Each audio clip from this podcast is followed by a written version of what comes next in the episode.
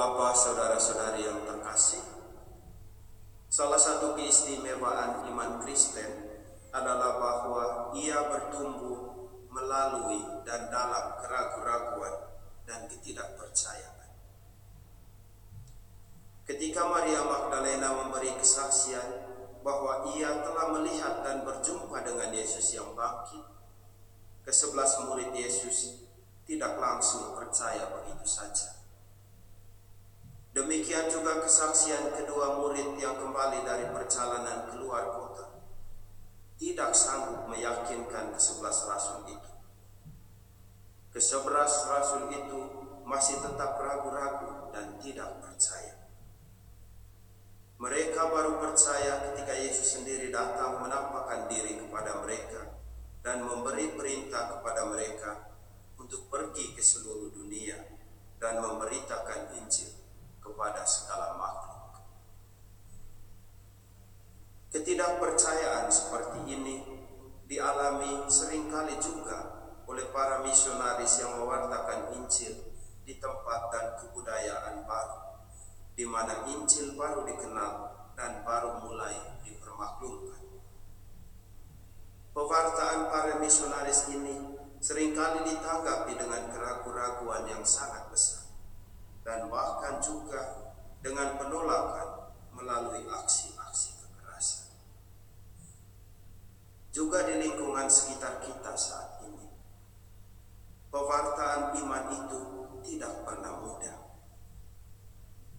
Siapa yang pernah mencoba saat minum kopi bersama, saat arisan atau pertemuan ibu-ibu, saat piknik bersama dengan teman-teman dan rekan kerja, atau saat berjumpa dengan tetangga, berbicara tentang iman akan Yesus, pasti akan mengalami penolakan, ketidakpercayaan, atau keraguan-raguan, bahkan juga bulian dan olokan. Hal itu sangat wajar dan normal dan tidak boleh membuat kita putus asa dalam mewartakan Injil.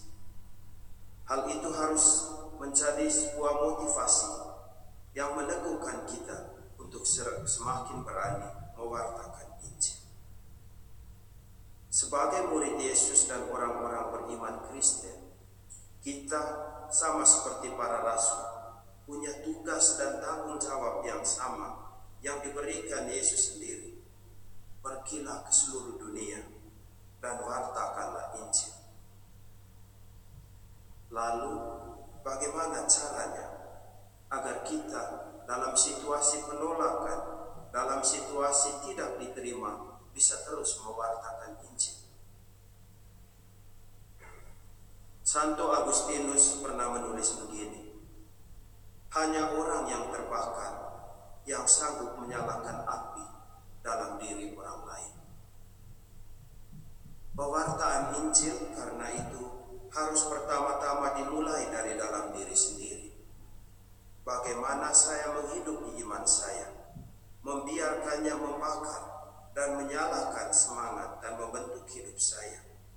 Bagaimana saya berusaha memperdalamnya dari hari ke Siapa yang sungguh-sungguh hidup berdasarkan iman akan Kristus akan bersinar dan memancarkan terang dengan sendirinya. Hidupnya otomatis menjadi kesaksian dan pewartaan Injil tanpa kata dan tanpa aksi yang menakjubkan. Ia memberi kesaksian dan mewartakan Injil melalui hidupnya sehari-hari.